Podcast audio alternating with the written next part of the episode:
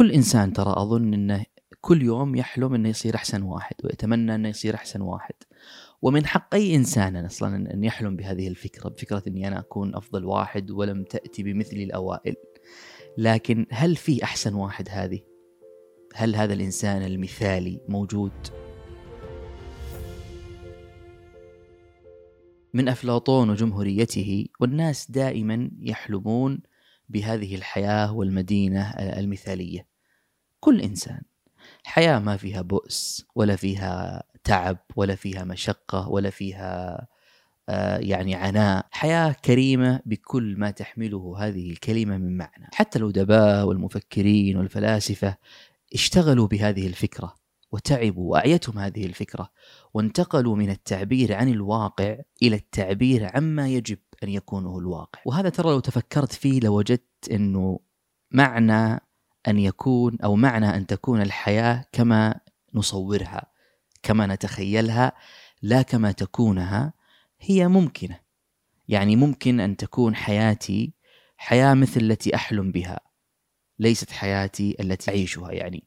هذه الفكرة هي التي أقلقت الناس فكرة أن تكون الحياة بهذه المثالية هذه المثالية التي اتصورها و وفكرة أن هذه الفكرة يمكن تصورها يمكن تخيلها هي التي فتحت أبواب آه، الكمال والمثالية في حياة الناس. بمعنى آخر إنه حياة الناس يمكن أن تكون كأحلامهم يمكن أن تكون كما يتصوروه. لكن لو تنظر في هذا في هذه الفكرة من من زاوية أخرى تجد أن هذا لا يمكن أن يكون إلا في الأحلام والأقلام والتصورات. لذلك مثلا مع ثورة العلوم وعصور النهضة بولغ في التقدير بولغ في تقدير حياة الناس المثالية هذه واتجهت حتى آه، يعني مناهج العلوم وخاصة العلوم الإنسانية والأدبية في تصوير حياة الناس المثالية وكيف يمكن للناس أن يحققوا أو أن يصلوا إلى هذه الحياة المثالية. وجاءت فكرة إن كل الناس لازم يتكاتفون مع بعضهم حتى تكون حياتهم كما يتصورونها كما يحلمون بها. وصارت النظريات والأقلام والمسرحيات والناس إذا اجتمعوا ببعضهم يتناقشون هذه الفكرة. هذه الفكرة آه، المثالية. كيف تكون حياتنا؟ مو بس كيف تكون حياتنا أحلى كيف تكون حياتنا أحسن كيف تكون حياتنا خالية من الصراع خالية من الآلام خالية من البؤس. وتكاتفت الأقلام وتكاتفوا الناس وحاولوا أن يسدوا ثغرات بعضهم في إطار النظرية بمعنى إنه في الفكرة حاولوا أن يجدوا أو يسدوا ثغرات هذه الفكرة في أطر النظرية في في في في في, في التعليب هذا. لكنهم حينما جاءوا يطبقوا هذه الفكرة المثالية على أرض الواقع على حياتهم وواقعهم ما ضبطت معه وكثير من هذه النظريات والتكاتف اندثر لكن في شيء منها انقسم إلى شقين.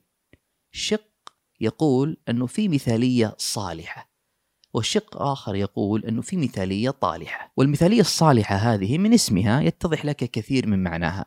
أنه مثالية بناءة مثالية راقية مثالية سامية تبني هذا المجتمع وأسس المجتمع والناس داخل هذا المجتمع. من أجل طبعا بناء متكامل زاخر سامي عالي آه، مثقف. ومليء بالأوهام وبالمثالية الممكنة الممكن تطبيقها مع الأيام مع المستقبل. والطالحه كذلك من اسمها يتضح لك كثير من معناها يعني مثالية هدامة.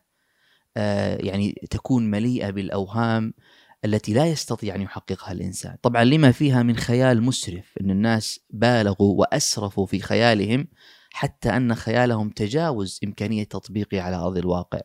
لذلك حين أخطأوا بعض الناس مثلا ما عدوا هؤلاء الناس خطاء ناس ارتكبوا أخطاء بل عدوهم آه، أنه شياطين تلبستهم وارتكبت هذه الأخطاء. لأن الإنسان في الحياة المثالية لا يعني لا يقع في هذه الأخطاء. وهؤلاء الشياطين يعني هذه الأخطاء هي تحاول أن تدمر أو أن تفسد هذه المثالية التي نسعى إلى تحقيقها. وصار ينظر إلى هذه المثالية في أخيلة الناس في أمزجتهم في أدمغتهم ومدى تأثيرها عليهم في حياتهم وإمكانية تطبيقها بعد ذلك على الواقع. بس تفاجأوا برضو أن الناس انشقوا إلى شقين. شق منهم أصبح سعيد مبسوط مستانس في حياته وشق آخر أصبح تعيس حزين مغلوب في حياته. بمعنى حين يفرغ الإنسان المتخيل هذا من آه، هذه الأعمال الإبداعية الأدبية من قراءته من آه، زيارته للمسرح من متابعته لكثير من هذه الفنون بعضهم يحب الحياة.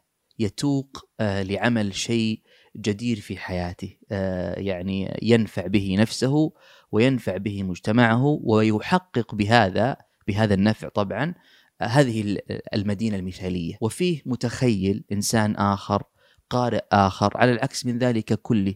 يصيبه الإحباط يصيبه الجزع والكدر وتسود الدنيا في عينه. وهذا لو تأملت فيه سبحان الله تجد أنه الواقع دائما أقوى من الخيال أقوى من الأحلام أقوى من النظرية. بل إن الواقع هو الذي يفرض قوانين الخيال أحيانا هو الذي يفرض قوانين حياتك أحيانا هو الذي يجعلك تتخيل أمور آه، ربما لا تكون متناسبة معه. وأنت تؤمن في قرارة نفسك أن هذه أصلا يعني أحلام يقظة. ليش أحلام يقظة؟ لأنه لا يمكن تطبيقها على الواقع. لذلك حتى أنت تتأمل في آه، يعني في بعض الأمور التي تبالغ في تقديرها تبالغ في يعني في في آه، في تقييمها.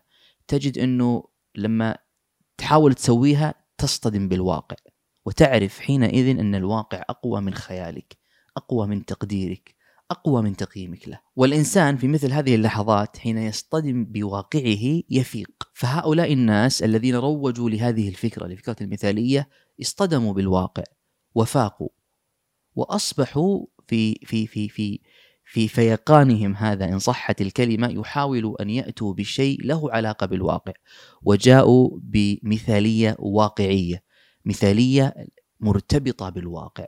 فتغيرت مثلا مفهوم المثالية تغير لم يعد مثالية في الأحلام في الخيال وإنما أصبحت مثالية مقرونة بالواقع مثالية واقعية بمعنى أنها مثالية يمكن أن نطبقها على الواقع. لذلك لما تنظر مثلا في مفهوم المثالية يعني ماذا نقصد بكلمة مثالية؟ سواء اليوم أو حتى منذ ابتداء هذا المفهوم في في في, في من جذوره يعني يتعقد لك المعنى يغيب يتشوش ما تعرف معنى المثالية هي البراءة المطلقة إنه فعلا حياة خالية من الأوهام، حياة خالية من الآلام، حياة خالية من من المفاسد، من الشر، أم هي السعادة المطلقة المحضة؟ أم هي آه، الطفولة هذه التي لا يمكن الإنسان أن يعني أن لا يمكن الإنسان بطفولته هذه أو ببراءته هذه يعني ان أن يرتكب الشر. ومعنى المثالية حتى اليوم مختلف ومتذبذب ومتفاوت. تجد مثلا أن المثقف عنده معنى. تجد أن الأم عندها معنى. تجد أن الأب عنده معنى. تجد أن الإنسان العامي البسيط عنده معنى. فتختلف يختلف. يعني تقديرهم لهذه المثالية يختلف بحسب ربما يكون آه، واقع أحوالهم. أتذكر أنا كتبت قبل فترة ما تحسبه الما أراه دافع قوة. ما تعتبره شفقة أعده رقة وما أشعر به من حزن يصيرني فنانا. لذلك في من هؤلاء المبدعين الكتاب الشعراء الفنانين كل من اشتغل بهذا الإبداع الفني آه، ظل حبيسا لفكرته المثالية لخياله المثالي هذا. وظل الناظر إليه القارئ أي أحد يعني آه، يهتم بما يقوم أو بما آه، ينتجه هذا الفنان ظل حبيسا كذلك إلى هذه الفكرة المثالية في أطر هذا المثال الذي ما إن يغيب عنه يصطدم بالواقع أو ما إن يخرج منه يصطدم بالواقع. وصاروا ينظرون إلى هذا المعنى أو إلى قراءة أو إلى النظر أو إلى الجلوس مع هذه الأعمال الإبداعية على أنها مثل فكرة الاسترخاء من الواقع. وهذا المعنى سبحان الله تراه موجود في حياتنا اليوم. تلقانا مثلا نسوي كثير من الأشياء من أجل أن نهرب من الواقع. بعضهم مثلا يعني يهرب من واقعه بالنوم. بعضهم يهرب من واقعه بالقراءة. بعضهم يهرب من واقعه بالذهاب إلى السينما مثلا ويتابع فيلم. تلقاه مثلا في لسان حاله يقول خلينا نذهب نروح للسينما ونتابع فيلم ونبتعد عن صخب العمل والناس و... يعني كأنه يريد أن يحلم إن صحت الكلمة بهذه الفكرة المثالية التي تبعده عن واقعه. فهو يحلم في يقظته. يستغرق ساعتين ثلاث ساعات على قد الفيلم. يعني يعيش هذه الأجواء. ثم بعد ذلك بعد ما ينتهي الفشار حقه يعود إلى واقعه ويصطدم بواقعه الذي لا غنى له عنه. وهناك من هاجم هذا النوع من الإبداع. هذه المثالية وقال أنها أصلا مثالية خطيرة حتى على المجتمع على الناس على يعني على على القراء لأنها مسكنة لأوهامهم وتعطبهم تفسدهم وما تخليهم ناس فاعلين في المجتمع منتجين للمجتمع. وهي مع هذا كله لا تعينهم على واقع حياتهم ولا على واقع أنفسهم. وإمكانية وجود هذه المثالية أو هذا العالم المثالي الخالي من الصراع اللي ما في بؤس ولا شقاء ولا ألم ولا حزن ولا فراق وإلى آخره. هي لا يمكن أن تكون في الواقع لأن الواقع نفسه يصطدم مع هذه الأفكار. جزء من حلاوة الواقع أحيانا جزء من إن صحت الكلمة أن يكون الواقع مثالي هو أن أن يكون مليء بهذه بهذه المتاعب بهذه المشقة. لذلك هذه النظرة التي ينظر إليها الفنان ينظر إليها المبدع ينظر إليها الشاعر الكاتب الروائي والى اخره من من منتجي هذا الإبداع هذا الفن.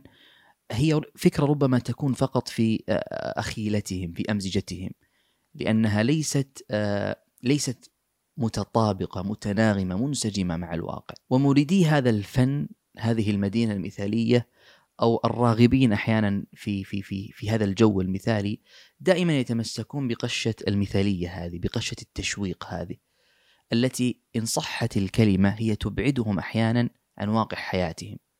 فهم إن ابتعدوا عن واقع حياتهم يعني تخيلوا هذا الواقع الذي سيعودون إليه بعد قليل ربما يكون كخيالهم هذا الذي هربوا منه. لكنه في واقع الحال لا يمكن لهم أن يجدوها في واقعهم بعد أن يعودوا من من خيالهم هذا لأن الواقع مختلف متغير تماما. بل لربما ذهبوا هؤلاء من واقعهم إلى خيالهم هذا وإن عادوا إلى واقعهم وجدوا أن واقعهم أصلا تغير. تغير طبعا ربما يكون للافضل لكنه ما زال آه، واقعا يعني. فهم يهربوا من هذا الواقع ليجدوا هذه المثالية موجودة في في الأشياء التي هربوا إليها.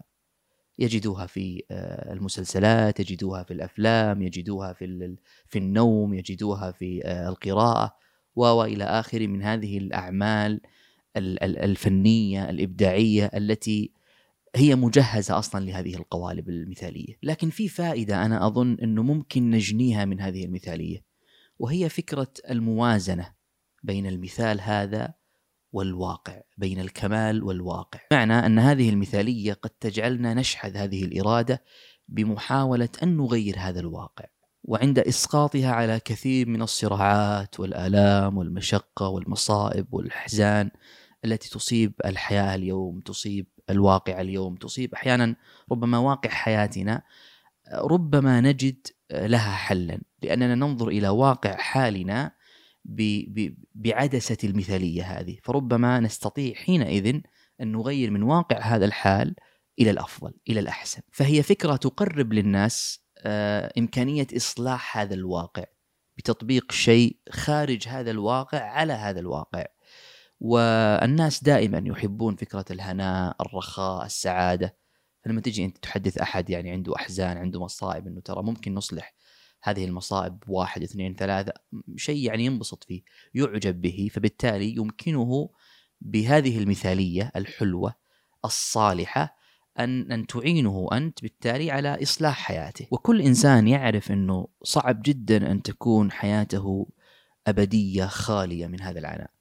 يعني يعرف أن هذه الفكرة أصلا فكرة مستحيلة لكنه يؤمن في نفس الوقت أنه يعني مرات تصفى ومرات الكدر فيها فهو يبحث قدر ما يستطيع عن هذه المرات التي تصفى له حياته فيها. إيفنز مثلا تقول لا خير في فن لا يقول الحق ولا يسعى إلى الخير وليست غايته الجمال. وإنت لو تأملت في هذا القول تجد إنه الحق لا يكون في الخيال وإنما يكون في الواقع والواقع هو السبيل الوحيد إلى فعل الخير. وبالخير يستطيع الإنسان أن يغير هذا الواقع وحينئذ يستطيع أن يصل إلى الكمال والجمال والحياة المثالية التي يسعى لها على أقل تقدير. ولا يعقل أصلا أن تكون الحياة ثابتة وراكدة وساكنة ومستقرة في مكانها وعلى حالها. طموح الناس أحيانا سبحان الله لوحده يجعلهم يغيروا واقع أحوالهم وحياتهم وواقعهم إلى شيء أحسن منه. وهذا يعني أن الواقع نفسه متغير للأحسن مش للمثال وليس للكمال لكنه لشيء قد يكون أحسن منه. فالواقع أصلا الذي نعيشه اليوم أنت لو نظرت فيه لو وجدت أنه في زمان مضى كان الناس يحلمون به. كان هو آه، مثالهم الذي يعني آه، يسعون جاهدين أن يصلوا إليه. واستطاع الإنسان نفسه أن يجعله واقعا واقعنا نعيشه اليوم.